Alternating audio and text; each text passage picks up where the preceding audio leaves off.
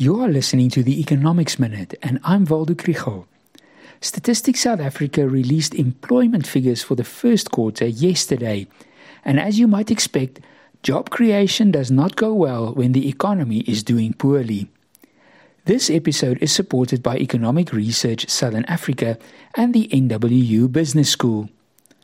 The labour force survey earlier showed that the economy did create some jobs in the first quarter, but that the unemployment rate increased. The quarterly employment survey takes place amongst employers and shows that the total employment decreased by 21,000 jobs in the first quarter of the year. Compared to last year, 97,000 jobs were lost.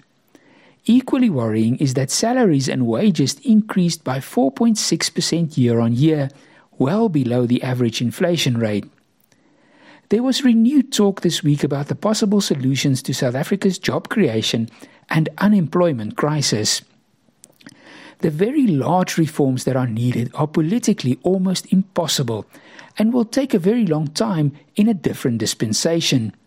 I'm thinking of the large scale reform of the education system, privatization of public enterprises, and the transition to a more sustainable energy mix the impact of short term policy measures will necessarily be small.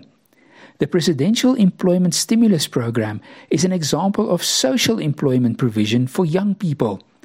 Since October 2020, this has created approximately 1.2 million opportunities for, among others, teaching assistants.